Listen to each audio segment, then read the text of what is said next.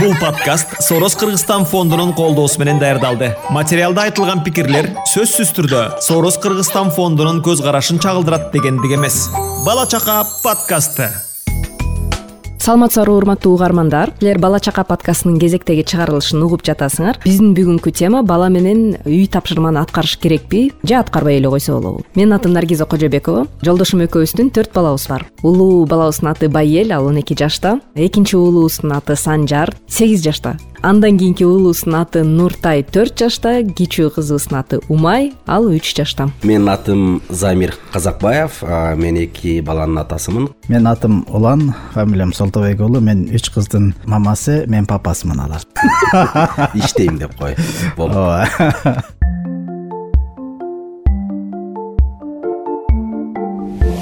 бүгүн эмне жөнүндө сүйлөшкөн атабыз бүгүн мен жогоруда айтып кеткендей темабыз бала менен үй тапшырма жасоо керекпи же жокпу деген темада ойлонуп көрсөк ата энелер бир нече категорияга бөлүнүшөт экен. Биринчиси ооба керек ансыз бала такыр окубай коет экинчи категориядагылар менин аны менен ишим да жок апасы менен окуйт же атасы менен окуйт. Үчүнчү категориядагылар жардам бербеш керек. Мен өзүм эле окугам төртүнчү категориядагылар. Жардам берейин эле дейм бирок мээм жетпейт. Менин категориям экен да. Акыркысы. Ушу ушуну сиз сунуштаган окшойсуз акыркы категорияны. Чындап эле бала менен үй тапшырманы жасоо керекпи же керек эмеспи? Бүгүнкү күндө аябай бул кандайдыр бир деңгээлде аябай көйгөйлүү нерсе болуп баратат го э? Ата энелер арасында деле мен биринчи силердин оюңарды уккум келип атат анан өзүмдүн позициямды билдиргим келип атат. Мен негизи окутпаш керек деген позициядамын үй тапшырманы бала менен чогуу жасабаш керек деген позициядамын ал мээмдин эле иштебегенинен эмес дагы башка критерийлер бар. жок эми сиздин позицияңызды мен билип атам сиз аябай удобный выгодный позицияда тура болгон турбайсызбы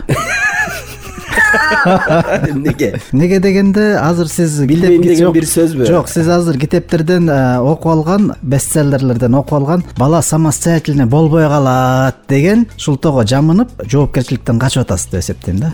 Бул менин позициям. Сиздин позицияңыз сен? Мен аябай талаш учурдамын да сиздин категорияңыз жок бекен биз атап кеткен. жок мен кайсыл кайсыл бир категорияга карап анан жашынып алганга менин укугум жок. Анчалык билимдүү эмесмин. Ошол себептен мен учурга жараша мамиле кылам да. Кээде бериш керек? Жардамды кээде бербеш керек? Дайыма эле жардам бере берсем мен кыздарым көнүп калат а азыр папам келгенде анан жасайбыз да депчи. Анан такыр жардам бербей койсоң анда мындан пайда деле жок. Бул замир байкеге окшош деп ойлоп калышы мүмкүн да. Мен анда өзүмдүн позициямды айта кетсем мен балдарга сөзсүз жардам бериш керек деген ойдомун. Бирок бала өзү жардам сураган учурда эгер өзү мына мен могул жерден түшүнбөй атам могул жерин мага түшүндүрүп бер деп келгенде анан баланын ошол нерсени чындап эле түшүнбөй турганына көзүм жетсе анда сөзсүз жардам бергенге аракет кылам. Ал эми айрым учурларда балдарымда андай көп эле болот. Жөн эле жалкоосу кармап эле анан жоопкерчиликти мага шылтагысы келип мен канча жолу окусам деле түшүнбөй атам дей берет да. Карап көрсөң жөнөкөй эле маселе ашып кетсе бир төрт сүйлөм анда эч кандай бир татаал сөз татаал термин жок. Катардагы эле күндө колдонуп жүргөн сөздөр. Кадимки эле мисал кадимки эле маселе. Анан дагы бир нече жолу окусаң түшүнөсүң деп азыр кайра жумшайм. Экөөбүз замир байкени экөө эле өткөнбүз.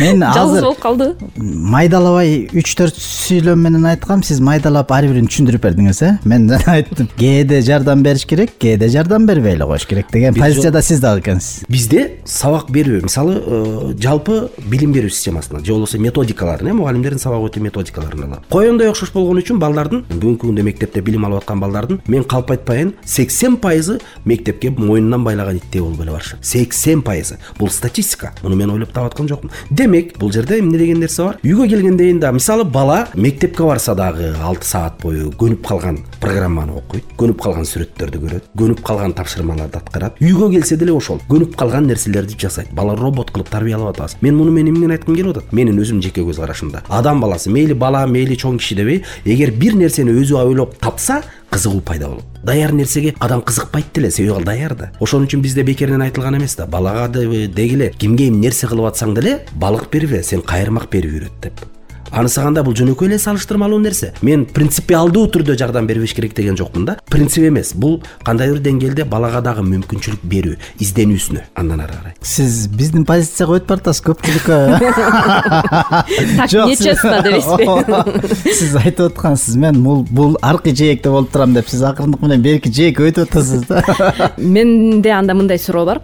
Биздин үйдө тынчтык экөөбүз мындай атайын сүйлөшүп албай бирок ким кайсы сабактан жардам бере турганын бөлүшүп калган да өзүнөн өзү эле. Мисалы үчүн тынчтык кыргыз тил кыргыз адабиятын балдарга өтө жакшы түшүндүрөт. Анан балдар өздөрү дагы тынчтыкты күтүшөт ошону менен окугусу келет да. Мен түшүндүрүп берсем деле уулум санжар айтат апа мен сиз айтып бергенде түшүнбөй атам мен атам менен эле окуйнчу бул сабакты деп менден качат. Мени менен негизинен математика орус тил чет тил тарых география деген э, сабактарды чогуу отуруп окуйбуз изденебиз иштейбиз дегендей. Силерде ушундай бир ролдорду бөлүштүрүп алган барбы мен бешинчи класска чейинки эле сабактарды түшүнөм андан ары көзгө жете элексиз түшүнө албайм мисалы алгебра дегенди. Мен мектепте окуганым менен аны азыр кайра бешинчи класстын жогорку формулалар кире баштаган алгебраны мен түшүнбөйм кайра. Анан мен өзүм түшүнбөй атсам кантип акыл үйрөтмөк элем бул жерде дагы бир нерсе бар экен. Азыр э, билбейм бул бизге абдан тааныш тема болуп атат да. Себеби биздин балдарыбыз тең чамал экен да. Өзү байкайсыңарбы негизи? Мындай экен да. Биринчи класстан баштап алтынчы жетинчи класска чейин эле ата эне отура калып чогуу окуйт экен. Андан кийинки балдар ата энени укпайт экен окубайт экен чогуу уят болуп калат экен. Мисалы азыр бизди угуп аткандар болсо деле өзүнө суроо салып көрсүн. Эгерде тогузунчу онунчу класста мектептин окуучусу балаңыз же кызыңыз болуп ошону менен чогуу отуруп сабак окуп атканыңызды элестете аласызбы? Жок андай эмес. Алар окубайт чогуу отуруп ата эне менен. А биз бизге контролдош жеңилирээк экен алар качан бизди угуп аткан учурда гана андан кийин укпай калат экен бала. Ошол угуп аткан учурда гана бир нерсени үйрөткөнгө аракет кылат экенбиз. Ошо текшергенди жакшы көрөт экенбиз. Болбосо он биринчи класстагы балаңызга мисалы алып келчи күндөлүгүңдү деңизчи Э, өзүбүз уят болгон атпайбызбы азыр эле азыр калп эле биз чоңоюп калды уят болот экен аны караганда дегенчи. Өзү өзүңүз уят болосуз анын алгебрасын түшүнүп көрсөңүз физикасын түшүнөсүзбү сиз мисалы мен өзүм мындай элестетем. Мен өзүм мектеп окуучусу болгом да мен дагы. Э мени эмне кылышкан мени кантип контролдошкон качан? Мен эсимде биринчи класстан баштап ошол алтынчы жетинчи класска чейин менин күндөлүгүмдү сурап турушчу үйгө эмне тапшырма алып келдиң аткардыңбы деп сурап турушчу оюндан чарчап келген учурларда. А менин эсимде жок тогузунчу класстан кийин менден сураган. Мен студенттердей эле бүттүм. Демек мен жалгыз эмесмин да сен кантип бүттүң эле мектепти улан мен мындай мындай элес булас бар го э мындай чала көрүнүп калган сүрөттөр эсимде да менин бир таа жеңем келип анда жаш жаңы келген келин да ошол. Ушу биринчи класстан жардам берген бир чалабы эсимде да. Анан калгандарында эч ким жардам бергени же унутуп калгам же жардам берген эмес менин эсимде калганы атам мектепке чейин атам мени окуганды жана жазганды үйрөткөн. Ушул ушул э, кадрды аябай так жана даана билем эсимде калган да а бирок мектепке баргандан кийин улан айткандай менин дагы менин жанымда бирөө отуруп анан кана күндөлүгүң анан муну жаздыңбы тигини жаздыңбы дептериңди салдыңбы китебиңди салдыңбы деген киши болгон жок же. Мен үйдүн улуу баласы болгондуктанбы менден кийин дагы иним сиңдилерим бар болчу. Ушул биринчи класстан он биринчи класска чейин же же мен өзүм ушунчалык жоопкерчиликтүү киши белем бала белем. Кыз кишилер эми баары бир кантсе дагы тыңыраак болот экен да. Өзүнүн оокатына деле деги эле жалпы кыз киши өзү тең тыңыраак болот эл эмне дейт элдин пикирлери балдардын тапшырмасын чогуу текшерип туруш керек сөзсүз түрдө ата эне балдардын билимдүү жана тарбиялуу ыймандуу болушуна ата эне милдеттүү жана түздөн түз жооптуу. Себеби дегенде балаң жакшы билим албай калса айтышы мүмкүн. Эмне үчүн мени окутпой койдуң эле деп. Ата эне сөзсүз түрдө жооп берет. Билимдүү кылыш үчүн биз мектепке жөн- жөнөтөбүз. Билимди ата эне эч качан бере албайт. Ыймандуу кылышы мүмкүн тарбиялуу кылышы мүмкүн. Демек биз балдарыбызды мугалимдерге устаттарга тапшырып ишенип бердикпи? Бергенден кийин биз анын кандай билимдүү сапаттуу билим алып атканын биз көз салып турушубуз керек сөзсүз түрдө ата эне бала менен бирге үй тапшырма аткарышы керек деп ойлойм. Анткени бала менен чогуу үй тапшырманы аткарып жатканда баланын окуу деңгээлин ата эне дагы билиши керек. Бала бала кайсыл сабактан жетишип жатат бала кайсыл сабактан жетишпей артта калып жатканын билиши керек. Сабакты чогуу окуганын дагы бир эң чоң мааниси ата эне менен баланын ортосундагы жакын мамилеси бири бирин түшүнүү жакындашы балага көңүл буруусу деп ойлойм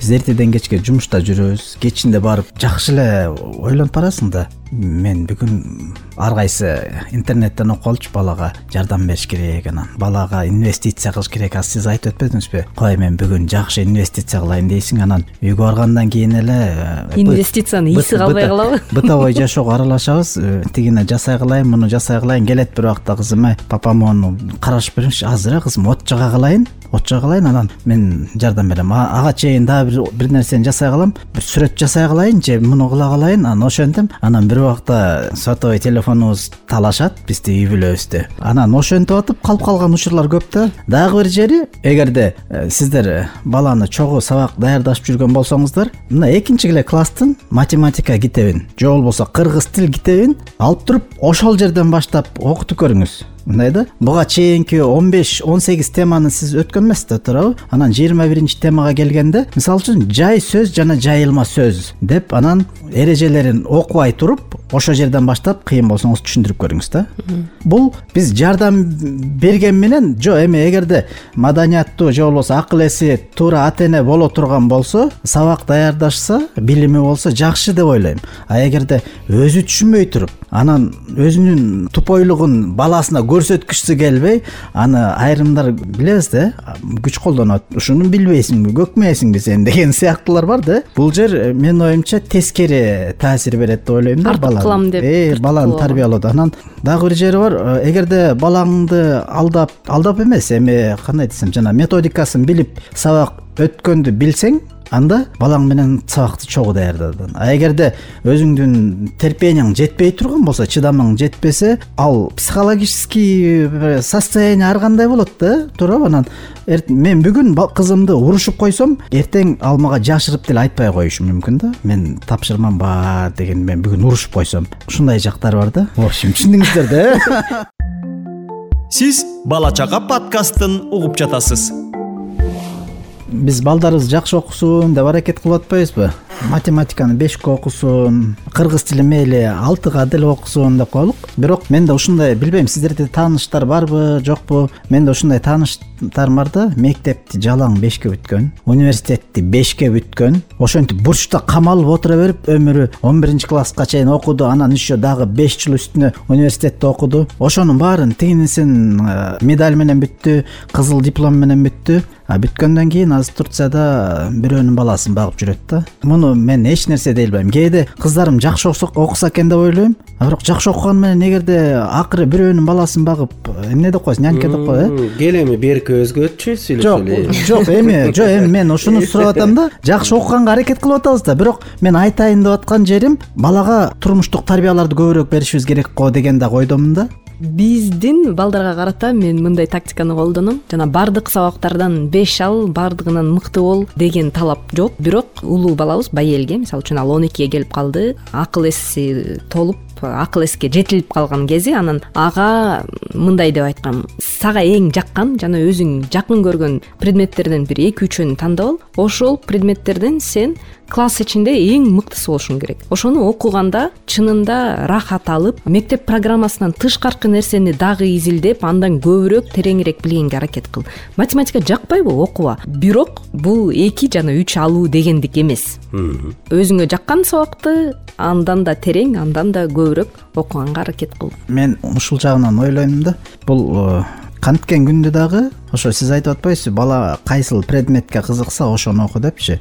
Менин оюм боюнча бул мугалимдин көз каранды нерсеби деп ойлоп коем да. Анткени эгерде ошол предметтен берген мугалиме кызыктырып ага көбүрөөк түшүндүрсө бул биздин мектепте окуп жүргөндө деле ушундай болчу. Бизде тандоо сабагы келгенде эң жакшы түшүндүргөн мугалимдин предметин баары тандап алат да. Балаңдын кайсыл багыт билимге кызыгуусу бар экенин аныкташ татаал нерсе болуп атпайбы? Же анын мугалими ошол предметте мыктыбы же болбосо ошол предметтен мугалими начарбы? Аны чындап психологдор эле билбесе мен даже өзүмдүн кыздарымдын кайсыл багытта экенин аныкташым аябай кыйын. Айтып атпайбы бул жакта кайсыл предметти жакшы окусаң ошону оку депчи эгерде балага жанагындай болушу мүмкүн да мындай ложный мындай мугалими ага бир кандайдыр бир жакшы түшүндүрсө ошону алып кетип атат бирок анын түпкүрүндө э, өзүнүн мүмкүнчүлүгү ага эмес башка предметке болушу мүмкүн да ооба мисалы үчүн ушул эле улуу балабыз байел англис тилине аябай кызыгат аябай жакшы көрөт окуйт. Биринчи англис тилден берген биринчи мугалими жаш кыз болчу. Анан ал жана заманбап ыкмаларды колдонуп алар менен мынтип кол алышып учурашып анан түрдүү интерактивдерди жасап балдарды аябай тарткан да ошол тилгечи. Чынындап эле балдар кызыгып окуган. Бирок быйылкы берген эжеи алмашты анан көңүлү жок болуп калды англис тилине. Балдар баары бир тамырчы анан сынчы болушат окшойт анан азыркы эжеи мындай деп коет англис тилин көп деле жакшы билбейт окшойт. Менимче түнү менен сабакты жаттап анан эртеси күнү бизге келип айтып бергендей сезилет дейт.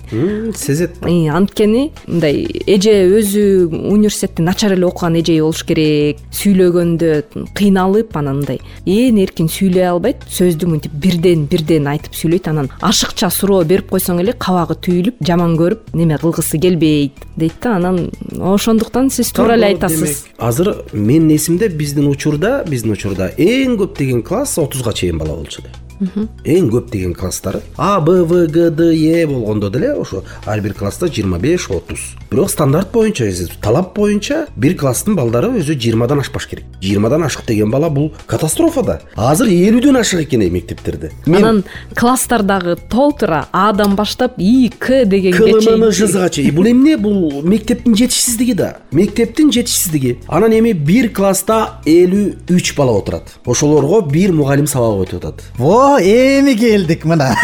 Эми жана жок жок бул экинчи тарабы. Болот ошолорго сабак өтүп атат ал элүү бала менен бир теманы түшүндүрүп же болбосо мен ойлойм ал кирип эле анан тапшырма бергенге эле жетишет ал мугалим. Тапшырмасын берип жаздыңбы деп эле контролдогонго эле жетишет. Башка нерсе үйрөнүү мүмкүн эмес да мындай нерсе менен. Элүү баланы бир кабинетке камап коюп кырк мүнөт олтуруштун өзү тозоктун тозогу да кечирип койгула мени экиге бөлүш керек эле мектептин жетишсиздиги бул биринчиси. Экинчиси мен кызымдын же баламдын мектебине кээде кээде барып турам мен деле. Барганымда мен атайын ушу класстарын кыдырып карагым келет да. Биздин убакта мен билем да мектепте мен өзүм деле мектепти жакшы бүткөм болбосо улан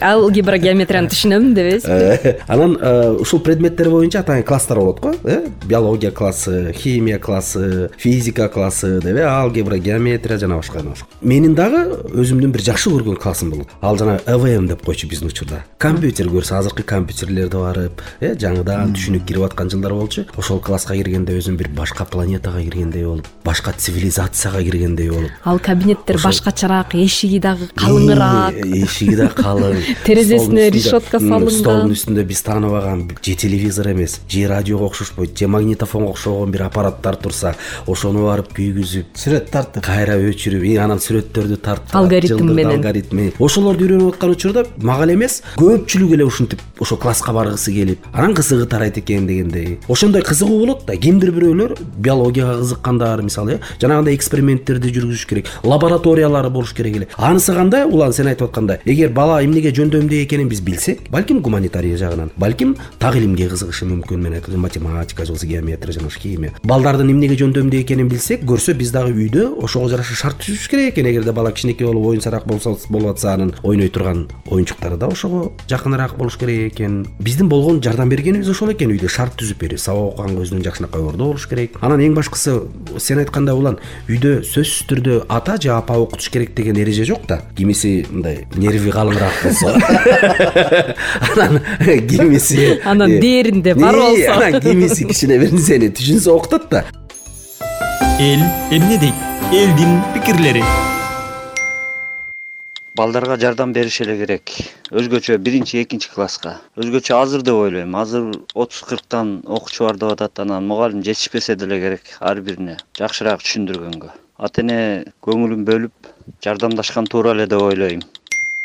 Менин оюмча бала менен сабак окуй эле коюш керек деп ойлойм. Себеби азыр менин үйдө кайным бар төртүнчү класс. Аны апам окутуп атат. Апам аны карабай койсо ал окубай уже үйдө отурат азыр. Апам нерв болуп атат оку десе дагы болбойт. Апам окуса окуйт окубаса ойноп кетет. Э, кайнагамдын баласы дагы ал үчүнчү класс анда деле ошондой э, орун алып атат. Ал мамасы окуса окуйт окубаса жок. Азыр ошо үйдө апам отурат мен окуймбу же сен окуйсуңбу мен барып экзамен беремби деп такыр укпай укпай атат бир чети ойлойм бала менен укпай эле коюш керек. Такыр көңүл бөлбөй эле коюш керек. Мындай баланы көзөмөлгө алыш керек бирок такыр мындай жардам бербеш керек. И ушундай чыгар мындай болот тигиндей болот деп эле айтып коюш керек деп ойлойм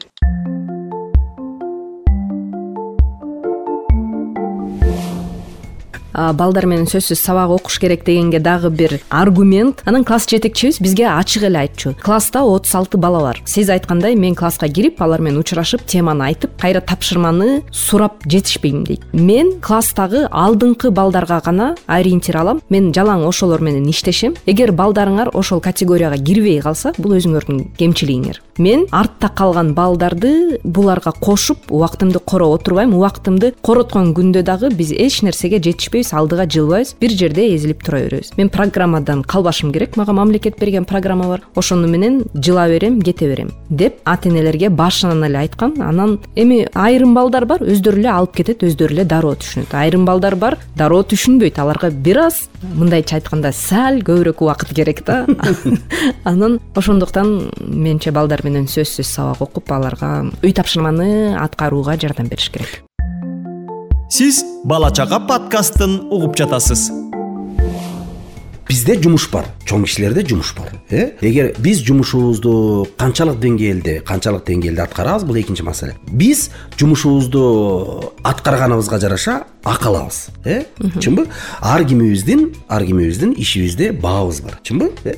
Профессионал киши чоң акча сурайт чоң акча сурайт кызматына жараша же болбосо эмнени билгенге жараша. Востребованность деп коет го э кимибизден ар бирибиздин баабыз бар да. Ар бир мекемеде болобу каякта болобу э? Анысы кандай балдардын баасы жана күндөлүгүндө э? Күндөлүгүн текшерип атпайсызбы бешке окуйт экенсиң деп демек бул бала үчүн эмне? Бул жумуш. Жакшы түшүндүрсө болот экен э? Сенин айлыгың мына бул жумуш.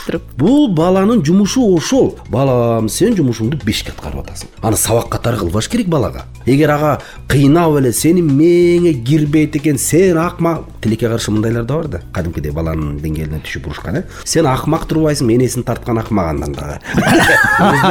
Өзү да энесине айтып кетет го андан дагы.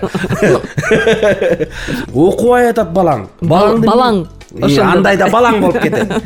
Жакшы болуп калса балам болуп калат. Уят да тең болуш керек баардык жерде. Жардам берип балдарды окутуп атканда деле чын эле балдар менен сабак баштаарда мындай да. Биз баштадык деп баштабаш керек өзү сабактычы бул өзү туура эмес. Сабакка чейинки этаптар болот. Баштаарга чейинки этаптар болот. Бул менин жеке өзүмдүн көз карашым да аны жетелеп келиш керек баланы кызыктырыш үчүн. Улан аябай жакшы мисал келтирди жана. Аны кызыктырыш үчүн алыстан башташ керек. Алыстан. Билбейм кандай мисал келтирет бирок ошол э, келгиле эми деп мисалы бала экиге экини чын эле кошо албай атса кана балам экиге экини кошконду баштайлы дебеш керек. Ал үчүн биринчи бирге бирди кошуп көрөлү деп. Жок. Дароо эле математикага отурбаш керек деп ойлойм. Себеп дегенде себеп дегенде кайсыл илим болбосун кайсыл илим болбосун баардык жерде чыгармачылык деген нерсе бар. Баардык жерде чыгармачылык деген нерсе бар.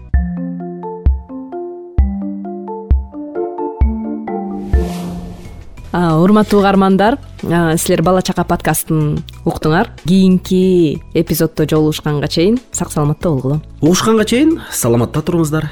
Кол булгалады улан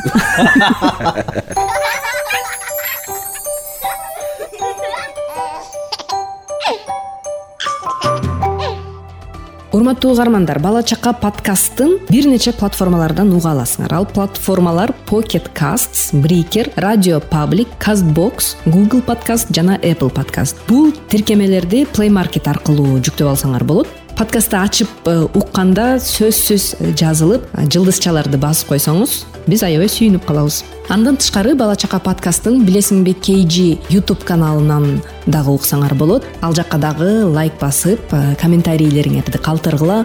Кийинки темага сунуштарыңыз болсо сөзсүз жазып койгула. Суроолоруңар болсо ноль жети жүз төрт ноль ноль кырк алты ноль сегиз. Whatsapp номерине жөнөтсөңөр болот